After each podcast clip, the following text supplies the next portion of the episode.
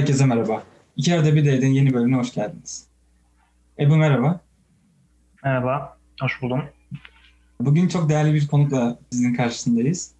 Spor, müzik, futbol ve basketbolda kendini gayet yetiştirmiş donanımlı biriyle beraberiz. Çetin abi hoş geldiniz. Hoş bulduk, merhabalar. Bugün Çetin Cem Yılmaz'la beraberiz. Ben öncelikle hızlı bir soruyla giriş yapmak istiyorum abi. Sizinle ilgili bilgi e, ararken internette Çetin Cem Yılmaz e, yazdığımda çok Cem Yılmaz'la ilgili e, entry'ler karşıma çıktı. Bununla ilgili sorun yaşadınız mı? Yani illa oldu. Şimdi ben ortaokuldayken Cem Yılmaz ilk ünleniyordu falan filan. O zamanlar başlamış. Ben daha çok aslında özel hayatımda Çetin ismini kullanırdım. Özellikle Cem Yılmaz öncesinde de yani çok ünlü olmadan önce de annem, ailem falan genelde Çetin der ya da Çetin Cem derler. Yani sadece Cem diyen çok yoktur. Ee, ama tabii mesela işte internette işte isminizi ararken karşınıza tabii ki dünya Türkiye'nin en ünlü isimlerinden bir tanesi olunca karışıyor falan. Ya da mesela Twitter'da böyle birazcık yürüyen bir tweetim falan olduğunda hemen Cem Yılmaz üzerinden espri yapıyorlar. Aa sen kimsin? Çakması mısın falan filan. Bu tip şeyler oluyor genelde. Güzel bir tesadüf diyelim abi. Evet enteresan bir tesadüf. Severim yani Cem Yılmaz'ı ve hoş, hoşuma gider yani bu tesadüfte. Peki abi sizin aslında genel olarak geçmişinizi biliyoruz. Bayağı araştırdık bu konuları. Ama bir de sizden dinlemek istiyoruz. Biraz Galatasaray Üniversitesi'nden başlayıp ana hatlarıyla Kanada'ya olan o süreci bize biraz anlatabilir misiniz?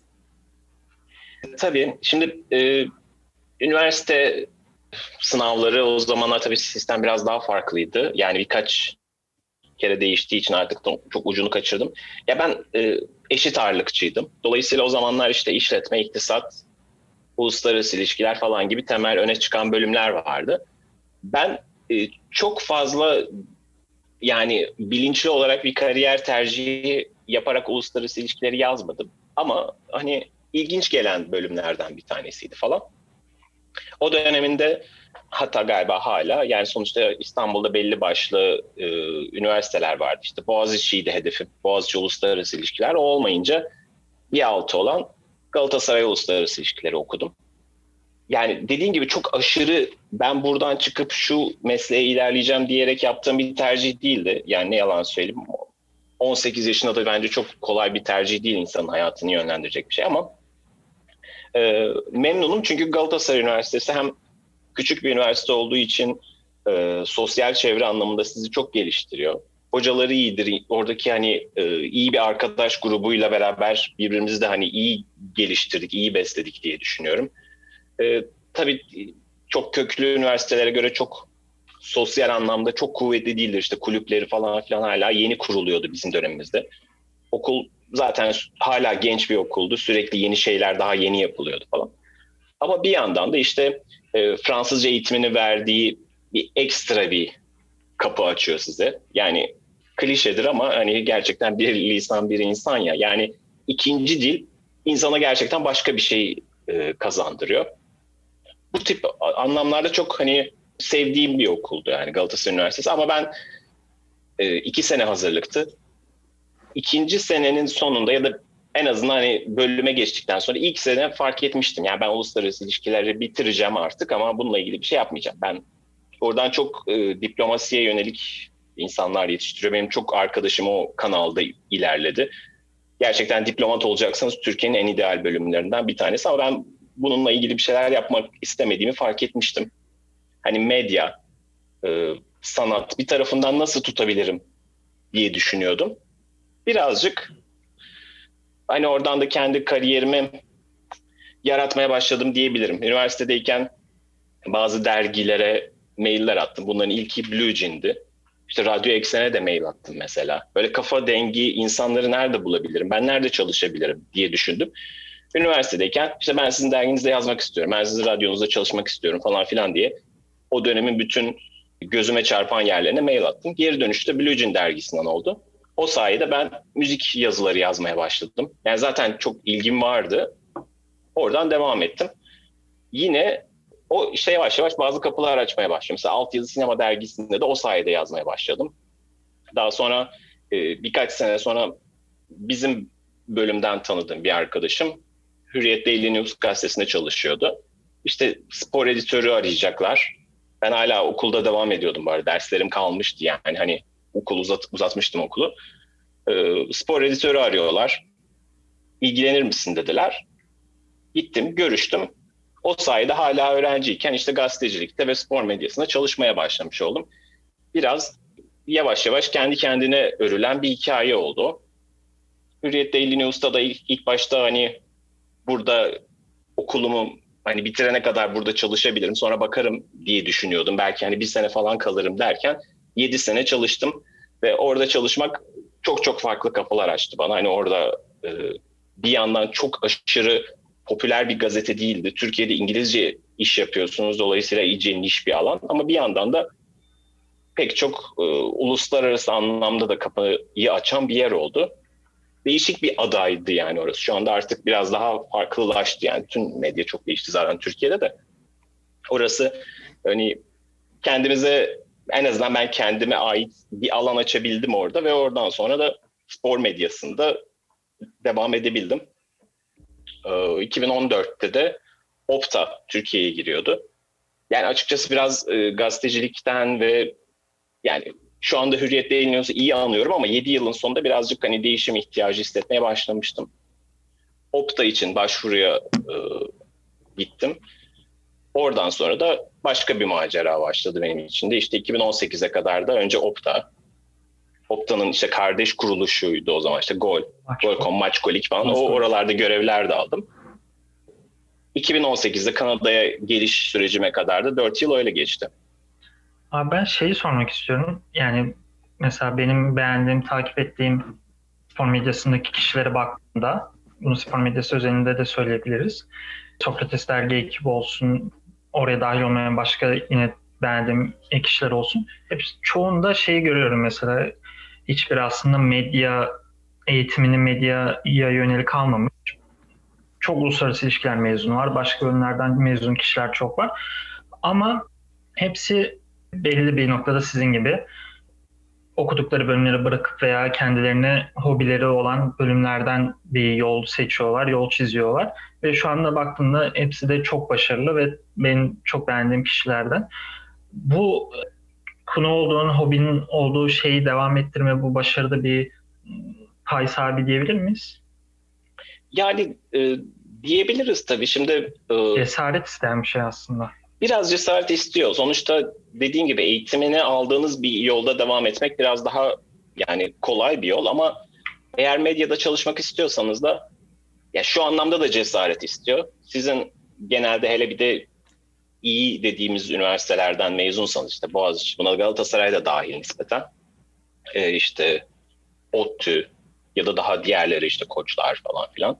Şimdi orada sizin bölüm arkadaşlarınız işlere girip çok daha iyi paralar kazanıyorlar. Siz daha kötü paralar kazanmaya şey yapmalısınız yani buna e, bunu kabul etmeniz lazım. İşte hafta sonları çalışmalar, şunlar bunlar. Bu başka bir yol. O anlamda cesaret ve fedakarlık istiyor mu? İstiyor ama e, ya bunu böyle çok büyük bir şeylik gibi hani kahramanlık olarak da anlatmak istemiyorum ama evet böyle bir yolu seçince öyle bir tarafı da var. Ee, ya Türkiye'de de biraz okula yani işte 18 yaşında çok fazla bilinçli olarak seçmiyorsun. Dolayısıyla aslında üniversite insanın gözünü açıyor. Aslında e, özellikle aileden başka bir çevreye gidiyorsan falan yeni bir dünyayla tanışıyorsun. Kendi hayatını daha iyi çekip çevirme fırsatı buluyorsun, sorumluluk alıyorsun. E, dolayısıyla hayatı tanıdıkça hayatta ne yapmak istediğini daha iyi anlıyorsun o yıllarda. O yüzden sadece işte üniversite eğitiminin e, hayatını belirlememesi lazım. Çok kolay bir şey değil bu. Yani benim durumumda birkaç tane işte e, şanslı durum da üst üste geldi. İşte bahsettiğim arkadaşımın bunu önermesi ama bir yandan da o benim de birazcık kendi yarattığım şansla da alakalıydı. Yani arkadaşlı işte gidip yazmak istemek şunu bunu falan filan. Ee, tam anlamıyla aslında sorduğunuz sorunun cevabı da olmadı ama evet enteresan bir şekilde pek çok insanda bunu gördüm yani. yani dediğin gibi işte Sokrates'ten arkadaşlarım, Ali Ece mesela yine daha Hınırak, onlar da Galatasaray'dan falan filan. Pek, pek çok örneği var yani bununla ilgili açıkçası doğru. Şimdi e, biz Çetin Cemil'imizi konuk alıyoruz dediğimizde arkadaşlarımıza bazı mesela tanımayan arkadaşlarımız da oldu. o kim dediler. Şimdi spor yazarı mı desek veya spor medyasından biri mi desek, sinema eleştirmeni mi, işte YouTuber mı? Biz tam olarak bir tek bir kelime de tanıtamadık. Siz kendinizi biri size sorduğunda Çetin Cem Yılmaz kimdir dediğinde kendinizi nasıl tanıtıyorsunuz? Doğru. Çok yani bu hala zor bir soru. Birkaç ben hala 3-4 tane farklı işi yapıyorum. Evet. Yani buradaki işim de şu anda e, burada bir şirkette sosyal medya üzerine çalışıyorum. E, yine yaptığım futbol üzerine sosyal medya işleri var. Eskiden e, spor editörlüğü daha ya da işte spor muhabirliği daha net bir tanımdı. İşte 2014'e kadar. Opta sonrası biraz karışmaya başladı. Yani sadece müzik yazarlığından beni tanıyanlar da var. Artık çok geride kalmış olsa da çok uzun zamandır müzik yazarlığı yapmıyorum ama işte hem YouTube'da hem podcastlerde e, kendimi ifade etmeye çalışıyorum. Ya spor yorumcusu olarak da çok görmüyorum çünkü e, yani genelde spor yorumcusu deyince akla gelen kişinin yaptığı şeyi tam olarak yapmıyorum. Yani hani bir maç sonrası ekrana çıkıp görüşlerime başvurulmuyor. Yani o da başka bir iş. Ama abi İçerik İngiliz haftası falan deyince şey oluyor. Evet İngiliz haftasını yapıyoruz. Yani o da e, çok keyif alarak yaptığım bir şey. O da kendi içinde bir şey. Yani açıkçası pek çok alanda işte sporda en azından artık profesyonel olarak çalışıyorum diyebilirim yani. Müzikte artık profesyonel bir bağım kalmadı. O yüzden müzik yazarı da diyemiyorum kendime. Ee, biraz daha keyfe keder yaptığım için bu işi. Açıkçası tek bir anlamda şey yapamıyorum ama yazar, editör olarak geçiriyorum kendimi açıkçası. Hani yazar deyince de o yazar yazarda değilim yani aslında işte bir dolu şey var. Sizin bu yaşadığınız şeyi ben kendim evet çok sık yaşıyorum yani. Burada iş başvuruları falan yaparken de hani hangi taraftan başvuracağım diye birkaç farklı varyasyonunu da yaptım mesela. Hani bazılarında daha çok müzik yazarlığı tarafını öne çıkardım. Bazılarında daha e, sosyal medya tarafını öne çıkardım. Bazılarında işte YouTube tarafında oradaki içerik üreticiliğini de ön plana çıkardım. Böyle bir durum var. Biraz problem olarak göründüğünün de farkındayım. Yani bence bir işte çok ilerlemek çok güzel bir şey. Ben hiç öyle olamadım açıkçası ama bununla da barıştım yani. Ben 6-7 e, yıl önce de bu şeyi yaşıyordum ya. Ben insanın böyle bir şeyle bilinmesi biraz daha aslında iyi bir şey, verimli bir şey. Ama ben de bundan keyif alıyorum. Kendimi öyle ifade etmekten keyif hepsi alıyorum. Ta- severek takip ettiğiniz alanlar. Evet, evet. Yani o yüzden şey aslında. aynen keyifle yaptığım için şey olmuyorum yani. Bir tarafı bırakayım gibi olmuyorum ama eğer hani bazen bazı durumlarda e, bir tarafı tamamen e, kenara bırakmam gerektiğini hissettiğim oldu. Rock FM'de mesela çekme kaset programını yapıyordum. Onu da 3-4 sene yaptım ama Opta'daki ilk zamanlarımda ve birazcık oradaki performansımı etkilediğini düşünmeye başlamıştım. Daha ziyade Opta'nın yoğunluğu da biraz radyoyu hani istediğim kadar eğilemiyordum yani. istediğim kadar emek veremiyordum. Hani o işi yarım yapacağıma hiç yapmayayım deyip nokta koydum mesela. E yani birbirlerini çok baltalamadığı sürece ama e, bir her beni besleyen tarafı aksatmamaya çalışıyorum aslında. Peki abi biz şimdi Google'a sizin isminizi yazdığımızda ilk karşımıza çıkan sizin Twitter hesabınız. Ondan sonra da Ekşi Sözlük endüstrileri abi. Bilmiyorum okuyor musunuz ama sizin aklınızdaki ilk endüstri 2002 yılında girilmiş ve e, bu da Blue ile alakalı. Ekşi Sözlük'te 99'da kurulmuş abi. Blue Jean'in ilk entrisi de 2005 yılında. Yani aslında 2002'de sizin birinin keşf, keşfetmiş olması ve sizin aklınızda güzel şeyler yazmış olması nasıl değerlendiriyorsunuz? Bir de genel olarak baktığımda hani ekşi sözlük insanların genelde linç edildiği bir yer. Gaye Soğak yol olayı hariç tutuyorum ama onun dışında hiç linç edilmediğinizi görüyorum. Abi bunun hakkında ne düşünüyorsunuz? Evet, Gaye Soğak yol olayına kadar linç hiç olmamıştı. Ya yani genel olarak e, insanlarda herhalde pozitif bir imajım var. Yani daha doğrusu e, şimdi bazı insanlar vardır e, kutuplaştırır. Genelde benim görüşlerim pek öyle olmuyor. Yani bazen olduğu da oldu bir, nadiren. Twitter öyle bir yer yani sonuçta ama çok sık değildir. Yani özellikle Türkiye gibi bir ortamda ya da sosyal medyada hemen herkes için geçerli. Birisi sizi çok sev, sevecekse bir taraftan da çok nefret eden insanlar da oluyor ben açıkçası çok fazla sevgi uyandıran ya bir insan olduğumu da düşünmüyorum. Dolayısıyla iki tarafta da çok yoğun hisler uyandırdığımı düşünmüyorum. Bence biraz bununla alakalı. e, genel olarak benim hoşuma giden bir tarz bu aslında. Hani sevenin sevdiği, en azından yaptığım işleri takdir ettiğini görmek hoş. E, ama diğer taraftan bu hiçbir zaman çok ünlü olmamanız anlamına da geliyor günümüz dünyasında. Bunu da e, kabul etmek gerekiyor. İşte Blue Jean'de çok gençtim ya gerçekten. Şimdi düşününce yani 2002 yılında ben 20 yaşındaydım ve gerçekten Blue de çok hani parlak zamanlarıydı müzik medyası içinde. O dönemlerde Blue içerisinde yer bulmak çok değerliydi. Hele bir öğrenci için. Yani e, yavaş yavaş işte ismi duyurmak, röportajlara gitmek böyle hani dinlediğin sanatçılar konsere geliyor. Sen onlarla röportaj yapıyorsun işte Mesvetek olsun ne bileyim Kasebian olsun bir dolu e, insanla karşı karşıya kalıyorsun. Bu çok heyecan verici bir şeydi. O sırada işte yazdığın yazıların insanlar tarafından okunması, insanların gidip e, işte böyle entry'ler e, döşenmesi çok hoş bir şey açıkçası. Ki Blue aslında o dönemde de çok fazla okur kitlesi olan yazarlara sahipti. Yani her yazarın ayrı bir kitlesi vardı. Mesela işte en önemlisi belki en ünlüsü Doğu Yücel diyebiliriz. Şimdi her yazarın bile ayrı sayfaları vardır. Ben orada da mesela çok sivrilenlerden olmazdım. O dönemde de hatırlıyorum. Yani hani bana çok fazla hate mail da gelmezdi Blue Jean zamanında. Ama çok böyle aşk mektubu da gelmez. Aşk mektubu değil tabii. Hayranlık mektubu da. Genelde daha dengelidir. Ama hala şeyi görüyorum daha bugün bile, bugün değil de bu ay bile oldu. Tablücün zamanlarından beni tanıyıp yıllar sonra hiç haberimi almamış ama tekrar işte bir şekilde benim yaptığım Spotify playlisti önüne düşmüş insanlar da var. Bunu görmek çok sevindirici. İşte bu da biraz karışık taraflarda iş yapmakla alakalı. Yani sporda yaptığım işleri hiç takip etmemiş, hiç önüne düşmemiş bir şekilde. Yıllar içerisinde tekrar radarına girmişim tekrar. Bu, bu, bunu görmek de hoş oluyor açıkçası. Çekme kasetten aslında çok ufak bahsettik ama Rock FM'de olsun. Sonra aslında sizin blogunuz da var çekme kaset diye. O herhalde 2018'den beri pek faal değil. Ama sizin çok uzun yıllardır yaptığınız bir şey, bir konsept çekme kaset. Popüler kültür üzerine ürettiğiniz içerikleri topladınız işte blog, radyo programı.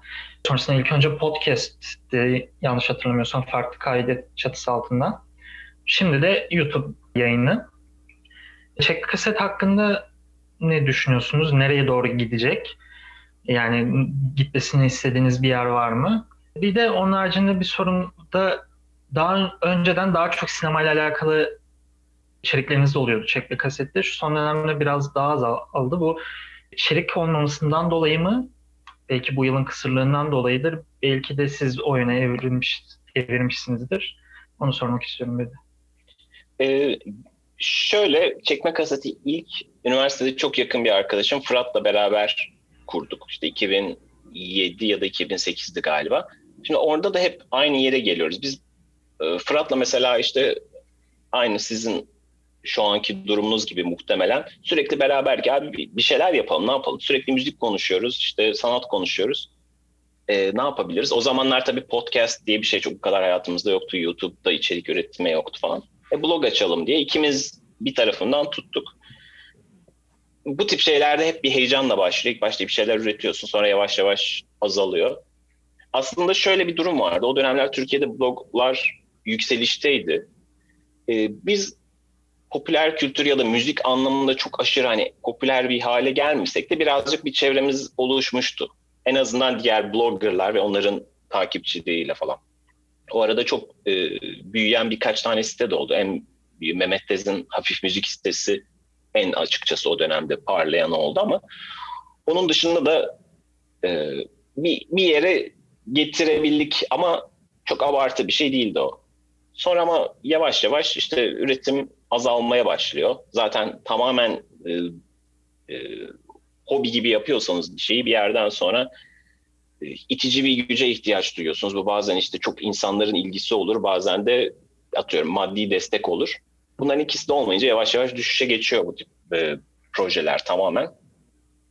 Haliyle daha az içerik girmeye başladık ama çekme kaseti ben hep çok sevdi ve bir şekilde değerlendirdim. İşte mesela radyo programı teklifi geldiğinde de Çekme Kaset ismini kullanmak istedim. Çünkü onun bir devamı gibi geliyor bana. Aynı şeyler. Hani aynı bakış açısı, aynı ilgi alanları oraya da devam ediyor diye.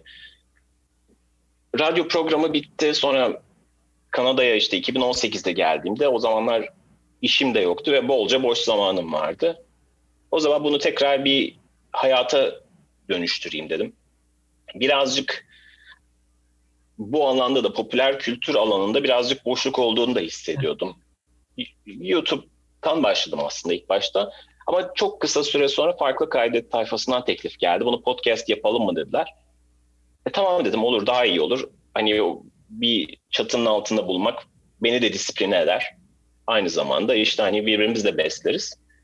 Ve podcast biraz daha üretimi daha kolay. Yani video kurgulaması falan beni de zorluyor açıkçası. O yüzden podcast olarak bir devam ettirdim.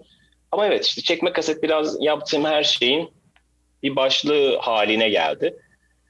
Sinema tarafında ya aslında ben sinemayı hep çok seviyorum. Ve hani popüler kültür üzerine içerik üretirken de sinema tarafından da e, bakmayı seviyorum. Sinema üzerine de iş çıkartmayı seviyorum.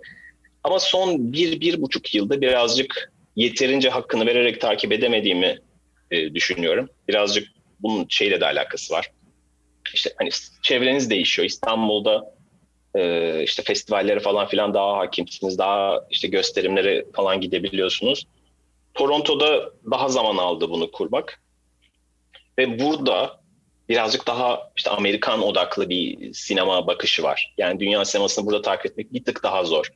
Gerçekten İstanbul Film Festivali'nde çok daha rahattı o. İşte uzak doğu sineması, Orta Doğu sineması, Avrupa sineması falan. Buraya birazcık daha zor geliyor o örnekler. Yani illa geliyor tabii. TIFF gibi çok büyük bir festival var ama yani yine de e, işte daha pahalı haliyle daha başka bir durum söz konusu. Birazcık uzak kalmadan dolayı e, sinema içeriklerini daha az yapmaya başladım diyebilirim. E, en çok bu. Bir yerde de şu da var. E, işte YouTube ya da podcast gibi bir tarafta içerik ürettiğinizde sanki orada biraz daha niş olmak gerekiyor gibi düşünmeye başladım. Yani insanlar sanki çekme kaset daha çok müzik için izliyorlar. Daha az sinema için izliyorlar. Sinema konusunda çok fazla büyük kanal var. Biraz onun da etkisi oldu. Yani hani insanların bana müzik tavsiyeleri için daha çok döndüğünü hissettiğim için sinema tarafını birazcık o yüzden de ihmal ettim. Zaten birazcık da uzak kaldığım için çok hakim olmadığım bir alanda ahkam kesmek e, çok e, sempatik gelmiyordu. Biraz da onun etkisi oldu. O yüzden sinema bir parça uzaklaşmış oldu içeriklerden. Ama abi ilginçtir. YouTube kanalınızdaki en çok izlenen video Bohemian Rhapsody'yi anlattığınız video. Evet. Ya o tabii ilk bölüm oldu. Çok paylaşıldı. Onun etkisi vardır. Bohemian Rhapsody muhtemelen işte çok izlendikçe o aramalara da düşmüştür falan. Ya yani YouTube benim hiç açıkçası tam olarak da çözemediğim bir mecra. Yani ben oraya e, bu sene yaptığım içeriklerden çok memnunum ben aslında. Haftanın albümleri haline getirdim. Yani onu bir konsept haline getirdiğim getirmek bana iyi geldi. Disipline ettim kendimi. Her cuma ya da cumartesi albümleri çıkar, çıkınca konuştum falan. Yeterince izlenmediğini düşünüyorum ama yine de o o şey benim hoşuma gitti. O beni disipline etti. Albümleri dinleyip içeriği üretmek ve her hafta onun orada olduğunu bilmek. İşte bu sene tabii pandemiyle beraber bu da mümkün oldu. Gelecek sene nasıl olur onu da bilmiyorum ama şu an için en azından o o rutin hissi hoşuma gidiyor. Bakalım yani ya şimdi birçok e, içerik üretiyorsunuz. Çekme kaset için olsun. Sokrates'te de podcast yapıyorsunuz. İşte Twitter'dan takip ettiğimiz kadarıyla sporla da bayağı çok ilgilisiniz. Çalışıyorsunuz aynı zamanda. Bu kadar çok şeye nasıl vakit buluyorsunuz? Ben aslında merak ediyorum biraz. Yani birazcık daha aslında az vakit bulmaya başladım pek çok şeye. Yani sinema mesela bununla alakalı ben e, eskisi kadar çok film izleyemiyorum mesela. Ya da eskisi kadar her ligi takip edemiyorum. İlgim bayağı Premier Lig'e odaklandı. Yani birazcık daha seçici ilerlemek gerekiyor bu durumda. Mesela 2019 yılında çok fazla müzik dinleyememiştim. Bu sene biraz pandeminin etkisi, biraz bahsettiğim şekilde kendimi de daha disiplin ederek müziğe birazcık daha tırnak içinde geri döndüm. Yani tabii ki takip ediyordum ama birazcık yavaş yavaş kopmaya başladığımı hissediyordum. Ya da işte 2008-15 arası çok daha fazla janrı çok daha iyi takip ediyordum. Belki Türkiye'de çıkan ya alternatif albümleri, bağımsızları daha çok dinliyordum. Şu an biraz ondan uzaklaştım mesela. Sonuçta e, zamanınız kısıtlı, ilgi alanınız da çok olunca biraz yetişmekte güçlük çekiyorsunuz ve bazı şeyler haliyle eleniyor. Ya önemli olan o e, bunun farkında olmak ve eğer biraz koptuğunuzu hissediyorsanız onunla ilgili içerik üretmemek gibi geliyor. Ha şu var, e, benim Twitter'da yaptıklarım, biraz YouTube'da yaptıklarım da öyle. Podcast İngiliz haftası değil ama çekme kaset podcast'i ki o 2020'de onun da mesela bayağı aksattım. Eğer çok hakkıyla bir şey e, yapmıyorsam onu yapmamak daha iyi gibi geliyor. Sonuçta insanlardan vakitlerini talep ediyorsunuz. Tabii ki Twitter'da yazdığınız o bir anlık bazen bir maç izliyorsunuz, hoşunuza giden bir şey yazıyorsunuz. İşte bir saçma bir şaka geliyor aklınıza ya da bir ilginç bir pozisyon, ilginç bir detay çıkıyor, onu yapıyorsunuz. O tamamen o maçı izlerken evet. geyik yapma ihtiyacı gibi bir şey. O ayrı bir konu ama iş olunca da işte dediğim gibi benim şu anda normal bir 9-5 işim var burada. O bitince e, yaptığım UEFA için yaptığım bir sosyal medya işi var. Onunla ilgili bir her gün en az bir, bir saat uğraşıyorum falan. İşte günün maçları varsa onu bir yerlerine koyman gerekiyor. Akşamında izlenecek bir film varsa falan. Birazcık da ben hani e, multitasking olayını seviyorum. Yani mesela yemek yaparken dizi izliyorum falan baya. Yani tabii ki her ağır dizileri değil ama ya da işte bulaşık yıkamak gerekiyorsa, iş yapmak gerekiyorsa falan bu tip hikayelerle birkaç şeyi üst üste bindirmeye çalışıyorum. Mesela işte siz de yaşıyorsunuzdur. Burada Premier Lig maçları sabaha denk geldiği için işte günün ilk maçını kahvaltı hazırlarken falan izliyorum. Bu tip şeyler olabiliyor.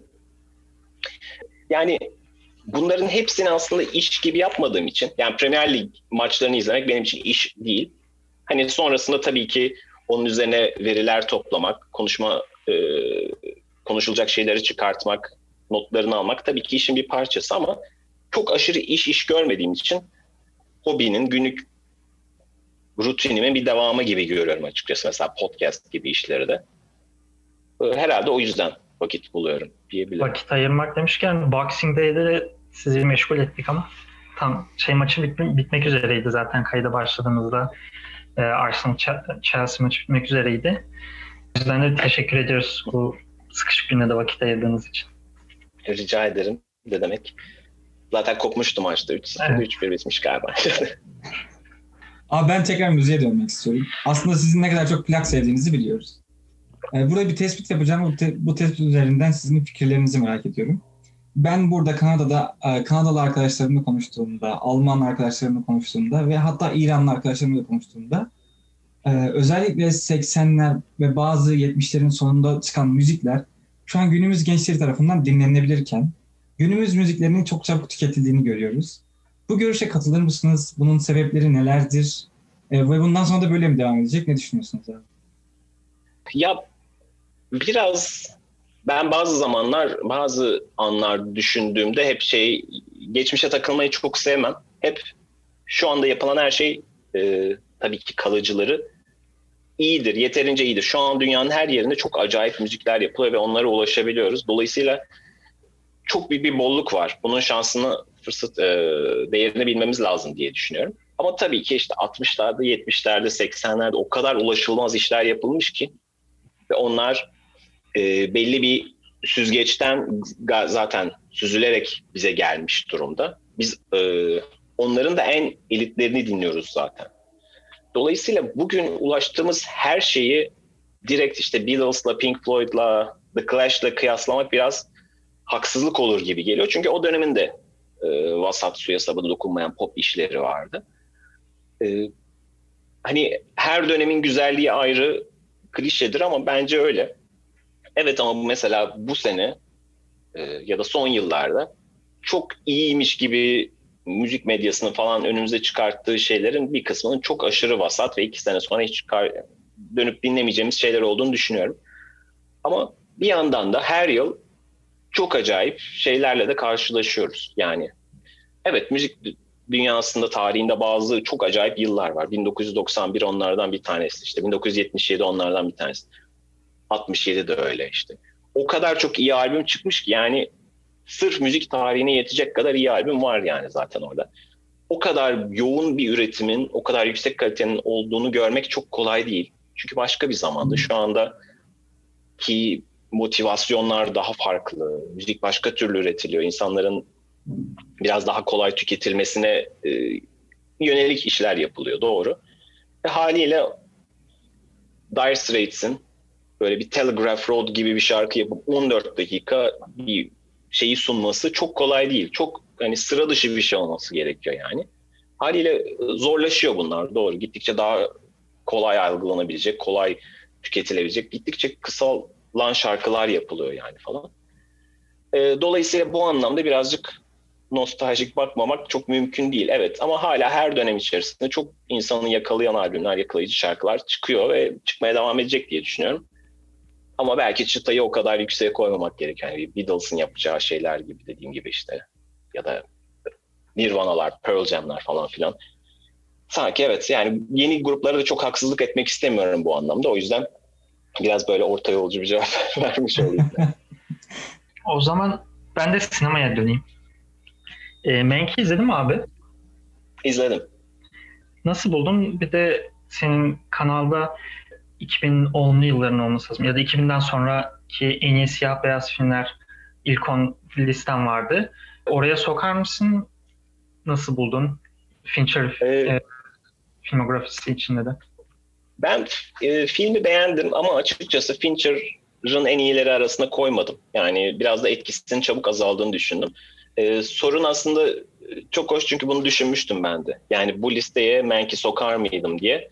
Yani belki altlardan sokardım ama beni çok aşırı etkileyecek ilk işte 5'e 6'ya sokacağım kadar e, bu dönemin en iyi siyah beyaz filmleri arasında sokmadım açıkçası. Roma'yı da 7'den girilmişti herhalde Roma. Dedim bu girmez herhalde o zaman Roma ise.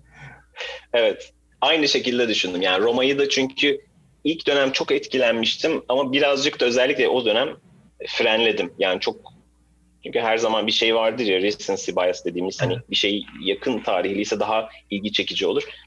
Roma'yı o dönem o kadar etkilenmiştim ki çok daha yükseğe koyabilirdim de birazcık özellikle alta almıştım. Yani Mank hani çok iyi çizimi, çok güzel o döneme dair çok güzel mesajları da olan bir film. Ama bir noktada ben açıkçası uh, The Irishman'de aldığım hissiyata yakın bir şekilde kalktım. Yani hani evet ama acaba neden buna ihtiyaç duymuş David Fincher diye düşündüm. Uh, belki de beklentilerle alakalı. Hani David Fincher'dan sürekli başyapıt çekmesini beklediğimiz için. E, çok suya sabuna dokunmamış gibi. Yani babasının senaryosu onun üzerine çok bir şey eklemek, dönüştürmek istememiş. Hem de filmde de biraz işte yazar, yönetmen arasındaki ilişkiden dolayı biraz daha geri planda kalmayı istemiş gibi. O yüzden de biraz en iyi filmlerinden biri kabul edilmemesi doğal bence. Evet yani büyük ölçüde aynen hikayenin hikaye ortaya bırakıp biraz dediğin gibi geri çekilmiş ve başta anlatılan e, hani Hollywood eleştirisi falan filan gibi şeyleri de ben çok hafif buldum. Yani başta anlatılan dediğim filmi izlemeden önce bazı çıkan yazılar vardı. Hollywood'a dair işte çok sivri eleştiriler falan. Hem onu bulmadım açıkçası. Gayet hani daha yumuşak bazı dokundurmalar var diyeyim dedim.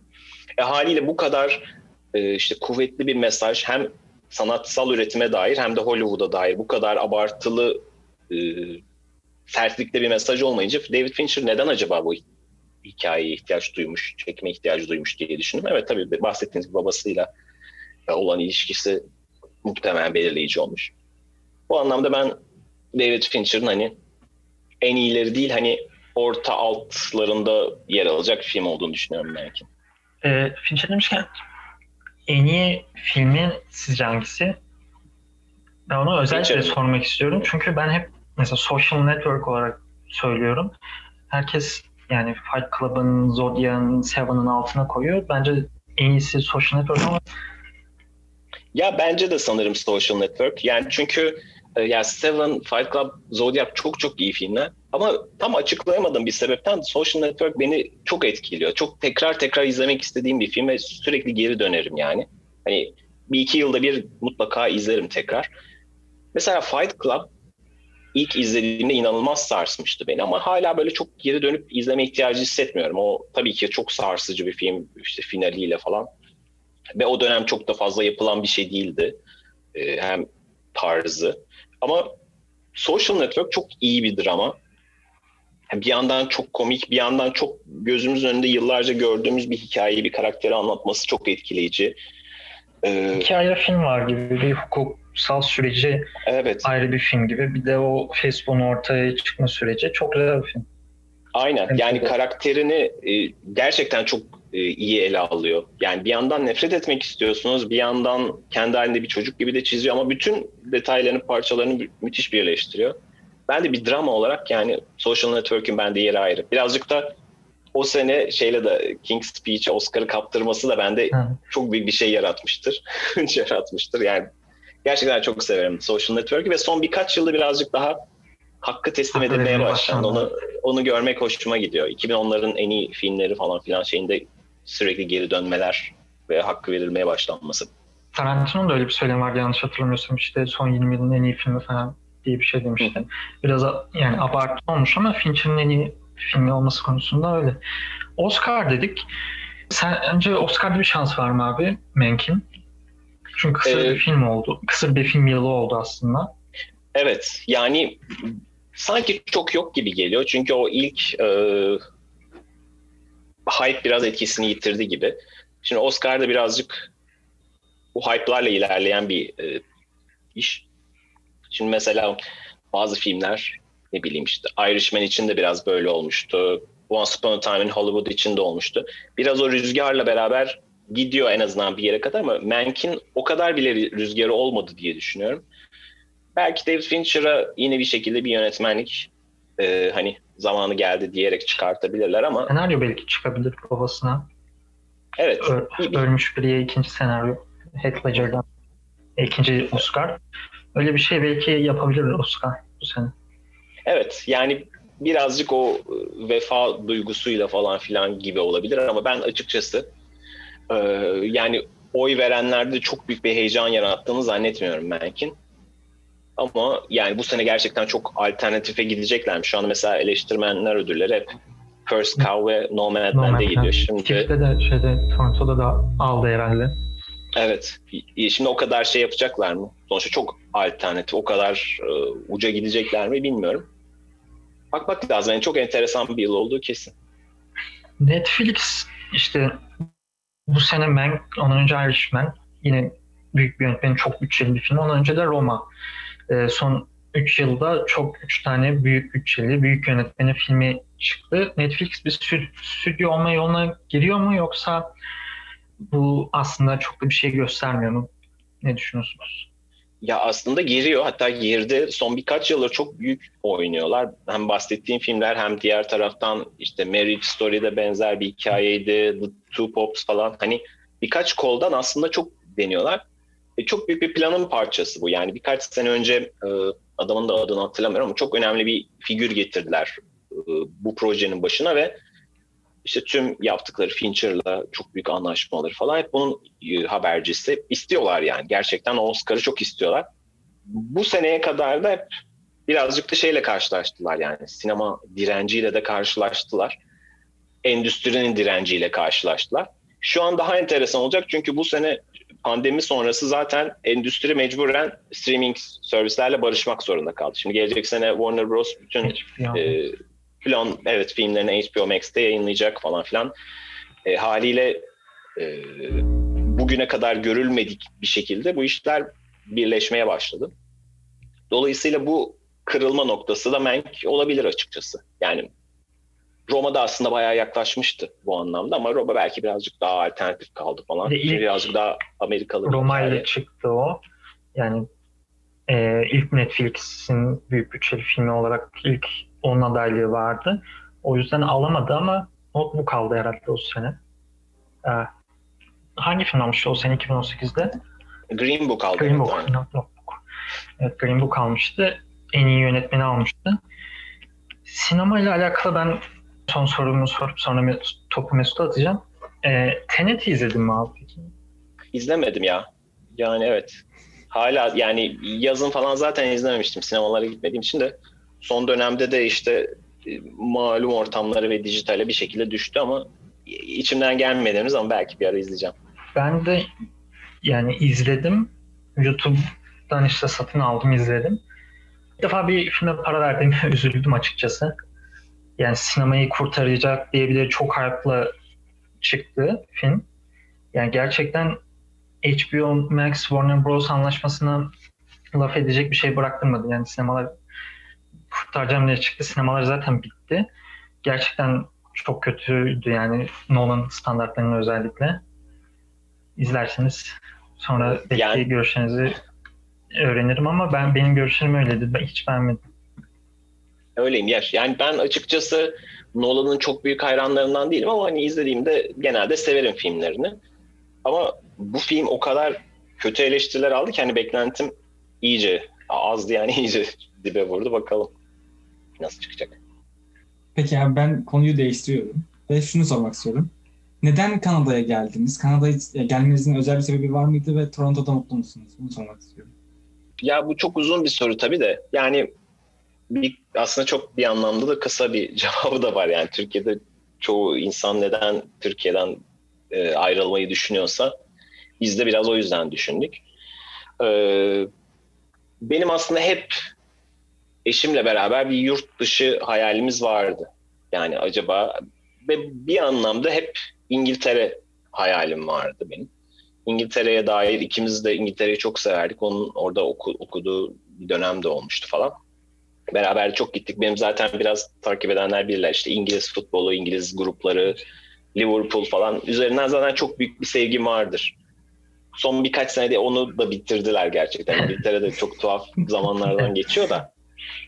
Bir, bir noktada hayatım yani e, kapağı atmak olarak değil ama yurt dışında yaşama tecrübesini hep öykünürdüm, hep isterdim yani. En azından bir 3-4 sene bir işte Londra'da falan yaşayıp bir başka bir hayatı yaşamak hayalim vardı. Bu bir taraftan hep kafamın bir yerinde vardı. Yani Türkiye'de bütün yaşanan o ekonomik, sosyal, politik krizlerin, problemlerin ötesinde de çok önceden beri vardı ve bir yerde hayat bunu bana çıkartacak zaten diye düşünüyordum.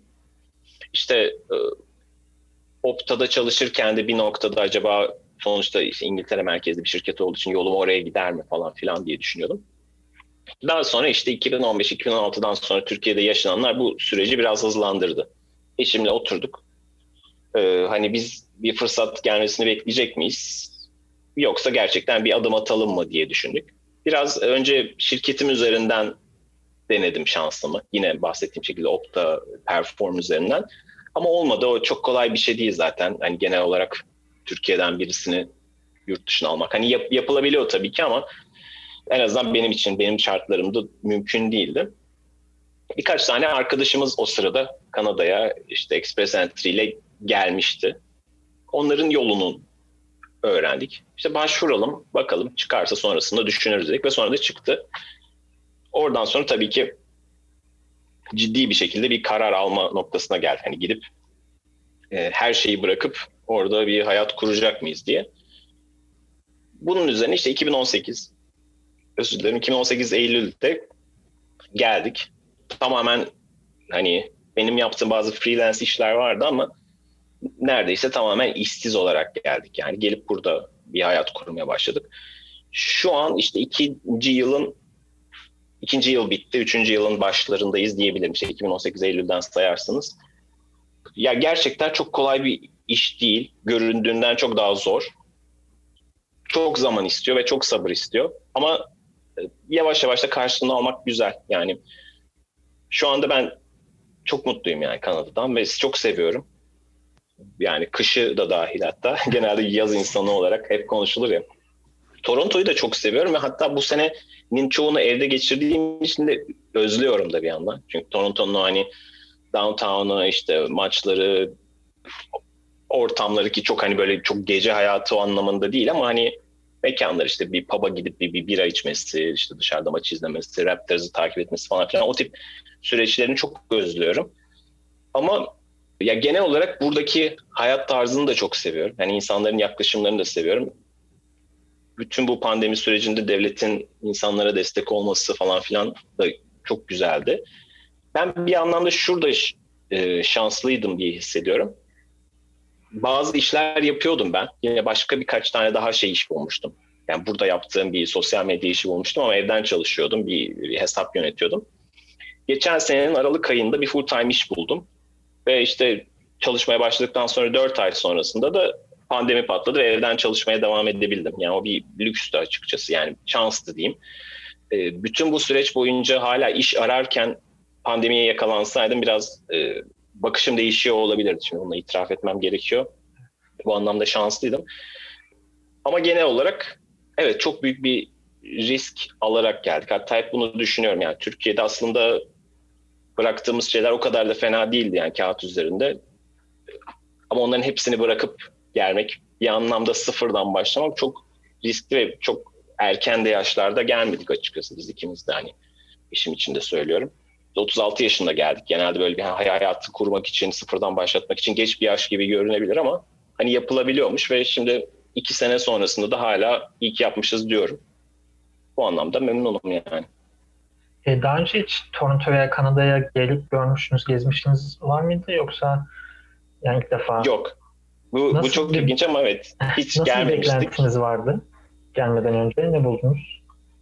Ya beklentilerim açıkçası hani okuduklarım, insanlardan duyduklarım falan hep pozitifti. Ama bir yere gidip görmek gibi olmuyor tabii ki. Ve Kuzey Amerika'daki hayat tarzı da genelde çok Avrupa'ya daha çok Avrupa'ya pek benzemiyor haliyle. Bizim Avrupa'da gördüğümüz şehirlere falan filan. Adaptasyon haliyle birazcık daha uzun sürüyor. E, ama Toronto'nun da tabii kendine göre nispeten işte yok ulaşımıdır, şehir kurulumu falan filan biraz en azından Kuzey Amerika şehirlerinin çoğuna göre daha e, insancıl. Hani arabasız bir yerlere ulaşabiliyorsunuz falan filan. Çıkıp yürüyebildiğiniz sokaklar var. Amerika'da bunu yapabilmek çok kolay da değil. Toronto'ya dair seçme sebeplerimizden de bir tanesi işte benzer büyük şehir olmasıydı. Bir ara ikimiz de eşim de Fransızca konuşuyor. Benim Fransızcam aslında o kadar iyi değil ama en azından biliyorum ama yine de onu da düşünmüştük hani Montreal tarafına gidip mi şansımız denesek falan diye ama çok uzun sürmedi yani bu düşüncemiz. Onu rafa kaldırdık. Toronto'ya dair o yüzden hani şeydi. Gördüklerimden beklediklerimden çok daha böyle güzel şey bir şehir buldum açıkçası. O anlamda mutluyum. Ee, bahsettiğim gibi hani yürüyebilir, işte insanlarla hani dükkanların önünde gezilebilir falan filan yollar. O o değerli bir şey bence. O yüzden seviyorum yani. Güzel bir zamanda gelmişsiniz. Tam gel o sezon Raptors şampiyon oldu. yani evet. maçlara gittiniz mi abi? Raptors maçlarına gittiniz mi o dönem? Evet gittim. Ee, o sene e, normal sezonda bir maça gittim. Playoff'larda da iki tane maça gitmiştim Milwaukee Bucks serisinde. O hatta 2-0'dı e, seri. Sonra 2-2 yapılan iki maçta vardım. E, bu ondan sonraki sene pandemi patlayıncaya kadar çok daha fazla gittim aslında. Hani akreditasyon da yapmayı başardım. O iyi oldu Sokrates sayesinde. Ve bayağı bir iç saha maçına gittim geçen sezon. Son işte dediğim gibi hani Mart'ta patlayana kadar, Şubat ayına kadar en azından bayağı bir maça gitmiştim. Ee, ya tabii çok güzel bir zamanda denk geldi. Ben geldiğim ilk sezon Kawhi Leonard'lı sezonu burada yaşamak. Bir de Toronto'nun hani e, çok eskideki o felaket kötü zamanlarını geldikten sonra buradan sonra buradan okudum yani. E, tabii ki uzaktan takip ediyorsunuz ama hani NBA'in kötü takımlarından bir tanesi de çok aşırı derinde incelemiyorsunuz. Ama biraz buradan tüm hikayeyi okumak çok keyifliydi. İnsanların o 20 yıl boyunca nasıl işte acılar çektiği, nasıl kötü oyuncularla, nasıl kötü senelerle e, gelip işte hatta NBA'in dalga konusuyken sonunda şampiyon olduğunu görmek çok, çok enteresan. Kesinlikle. Bu sene, gerçi bu sene seyirciler gelmeye başlasa bile Toronto'da oynamıyor Raptors. Tampa, Tampa Bay'de oynuyor olması lazım maçlarını. Bu sene yani istesek de izleyemeyiz. Olanak olsa da. Peki bu sene hiç takip edebiliyor musun? E, Gasol, Ibaka gitti. Aaron Baines geldi. Başka çok bir ekleme olmadı sanırsam. Şansını Hı-hı. nerede görüyorsun Raptors'ın? Yani e, bence Doğu'da böyle 6-8 civarında bir playoff yapıp ilk turda elenecek bir takım gibi görüyorum. Çünkü Doğu'da bu sene Güzel bir seri ve izletir bize diye de düşünüyorum. Ya evet. Gerçi ilk maç biraz tatsız bir yenilgi oldu ama yine de bence hem koça hem takımın koruna güveniyorum. Yani tabii ki beklentiler artık o şampiyonluk ve geçen sezonki gibi e, hani Doğu'nun iyi takımlarından bir tanesi değil artık kesinlikle Raptors. birazcık şeyi bekliyorlar muhtemelen. Yannis'i bekliyorlardı ama o da patladı. Şu anda artık o bir tane starı doldurmak yani orada bir star ihtiyacı var şu anda. Onu işte Siakam'la ya da OG ile ya da Fred VanVleet'le yapabilecekler mi? O, onlar o seviyeye çıkacak mı? O meçhul. Çok çok da inanmıyorum açıkçası onların böyle NBA'de top 10 civarı bir oyuncu olacaklarını ama yine de hani bence makul, güzel bir e, sezon izletirler diye düşünüyorum. Bir saatin sonuna gelmiş üzere, gelmek üzereyiz de benim son bir sorum var. Ee, şimdi aslında e, sizi 2000'lerden itibaren anlattık hayatınızı. Ben sizi sizinle Twitter'da tanıştım abi. Ee, ilk sizi Twitter'da keşfettim. Ama keşfettikten sonra şunu gördüm. 2000'lerden itibaren aslında hayatımızdasınız. Hem Blue Jean, hem Hürriyet'te, hem Rock FM'de. Ondan sonra aslında Euro 2016'dan hiç bahsetmediniz ama Euro 2016'da da varsınız. İşte ESPN'de çalışıyorsunuz, UEFA, UEFA.com'da çalıştınız. Aslında hep hayatımız içinde varsınız abi 2000'lerle birlikte ama o popülariteyi kazanmamış gibisiniz de.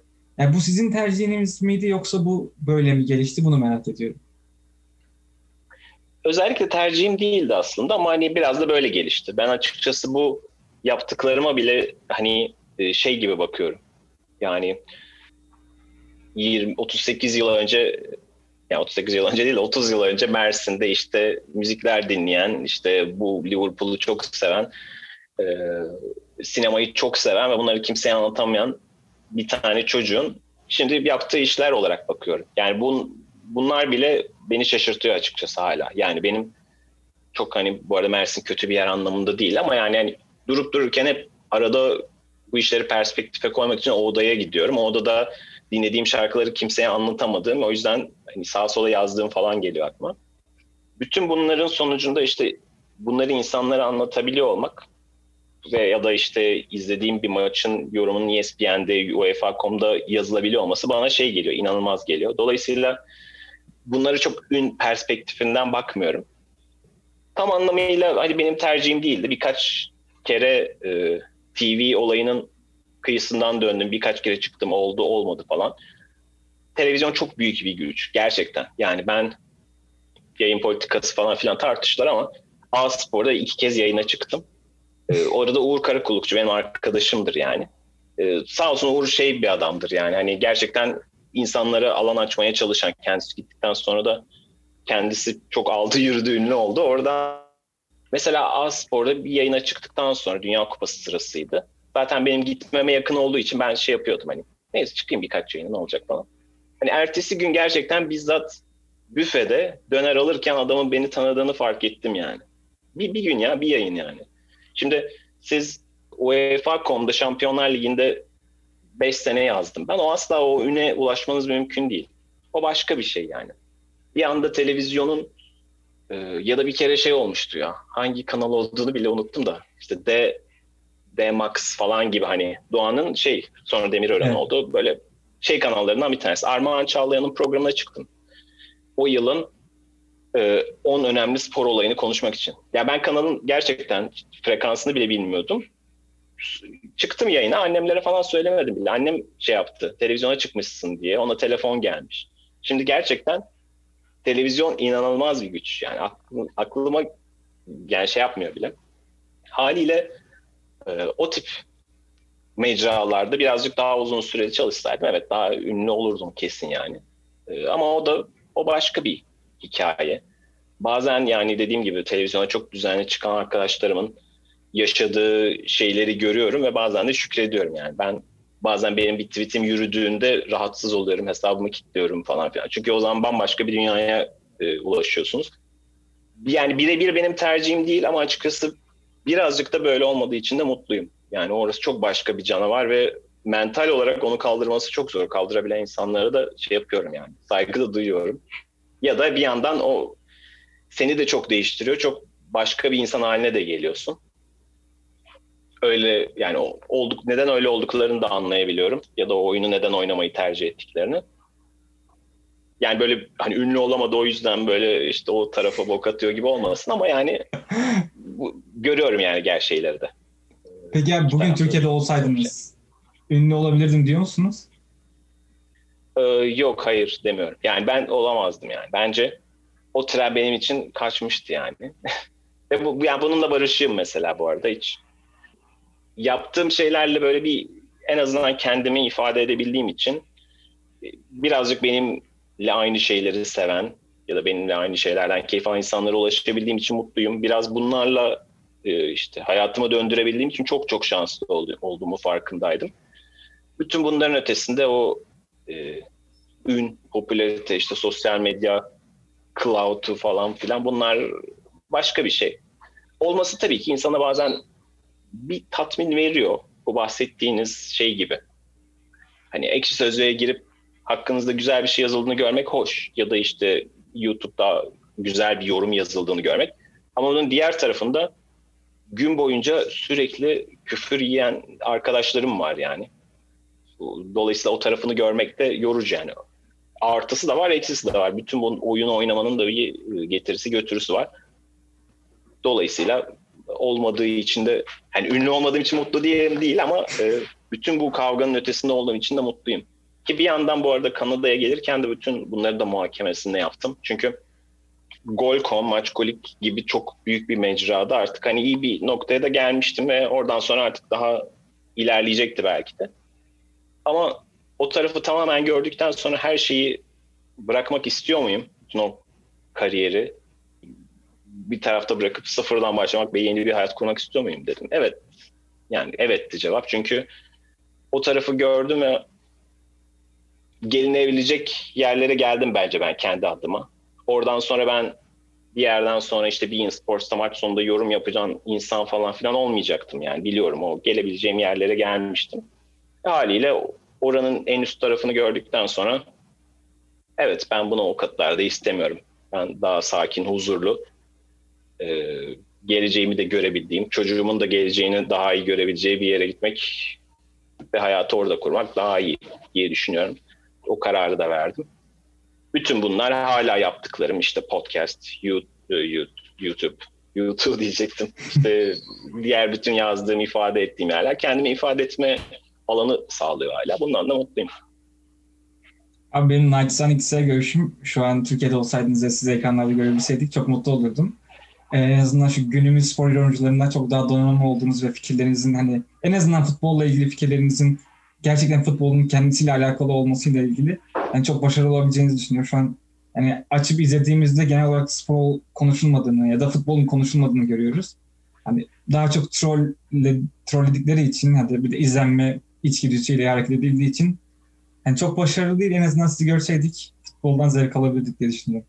Bir de bence başarılı da olurdunuz bu arada. Sağ olun, teşekkürler. Yani ben açıkçası Türkiye'de futbolla ilgili tamamen umudumu kaybettim. Yani hiç yani hiçbir yerinden e, tutulmuyor. Ki buna dediğim gibi bir dolu arkadaşım da dahil. Yani yaptıkları işlere işte tamamen futbola yakın kalmak istiyorlar ve buna çok saygı duyuyorum ama ya ne kadar olsa hiçbir şekilde tamamen sahanın içinde kalamıyorsunuz. Bize sanki mümkün değil gibi geliyor bu. Ama çok teşekkür ederim söylediklerim Abi eklemek istediğiniz bir şey var mı? Bayağı bir konuştuk. Çok sağ olun. Çok teşekkür ederim. Konuk aldığınız için çok keyifliydi sizlerle tanışmak, sohbet etmek. Biz teşekkür ederiz. İkimizin de Twitter'dan, işte diğer platformlardan takip ettiğimiz biriydiniz. Yani biz de bizim için de podcast yapma aslında tanışmayı, sohbet etmeyi, istediğimiz insanlarla görüşmek için bir araç. O yüzden ilk bu iletişimi kurmayı istediğimiz kişilerden biriydiniz. Biz teşekkür ederiz aslında e, kabul ettiğiniz için konuk olmayı.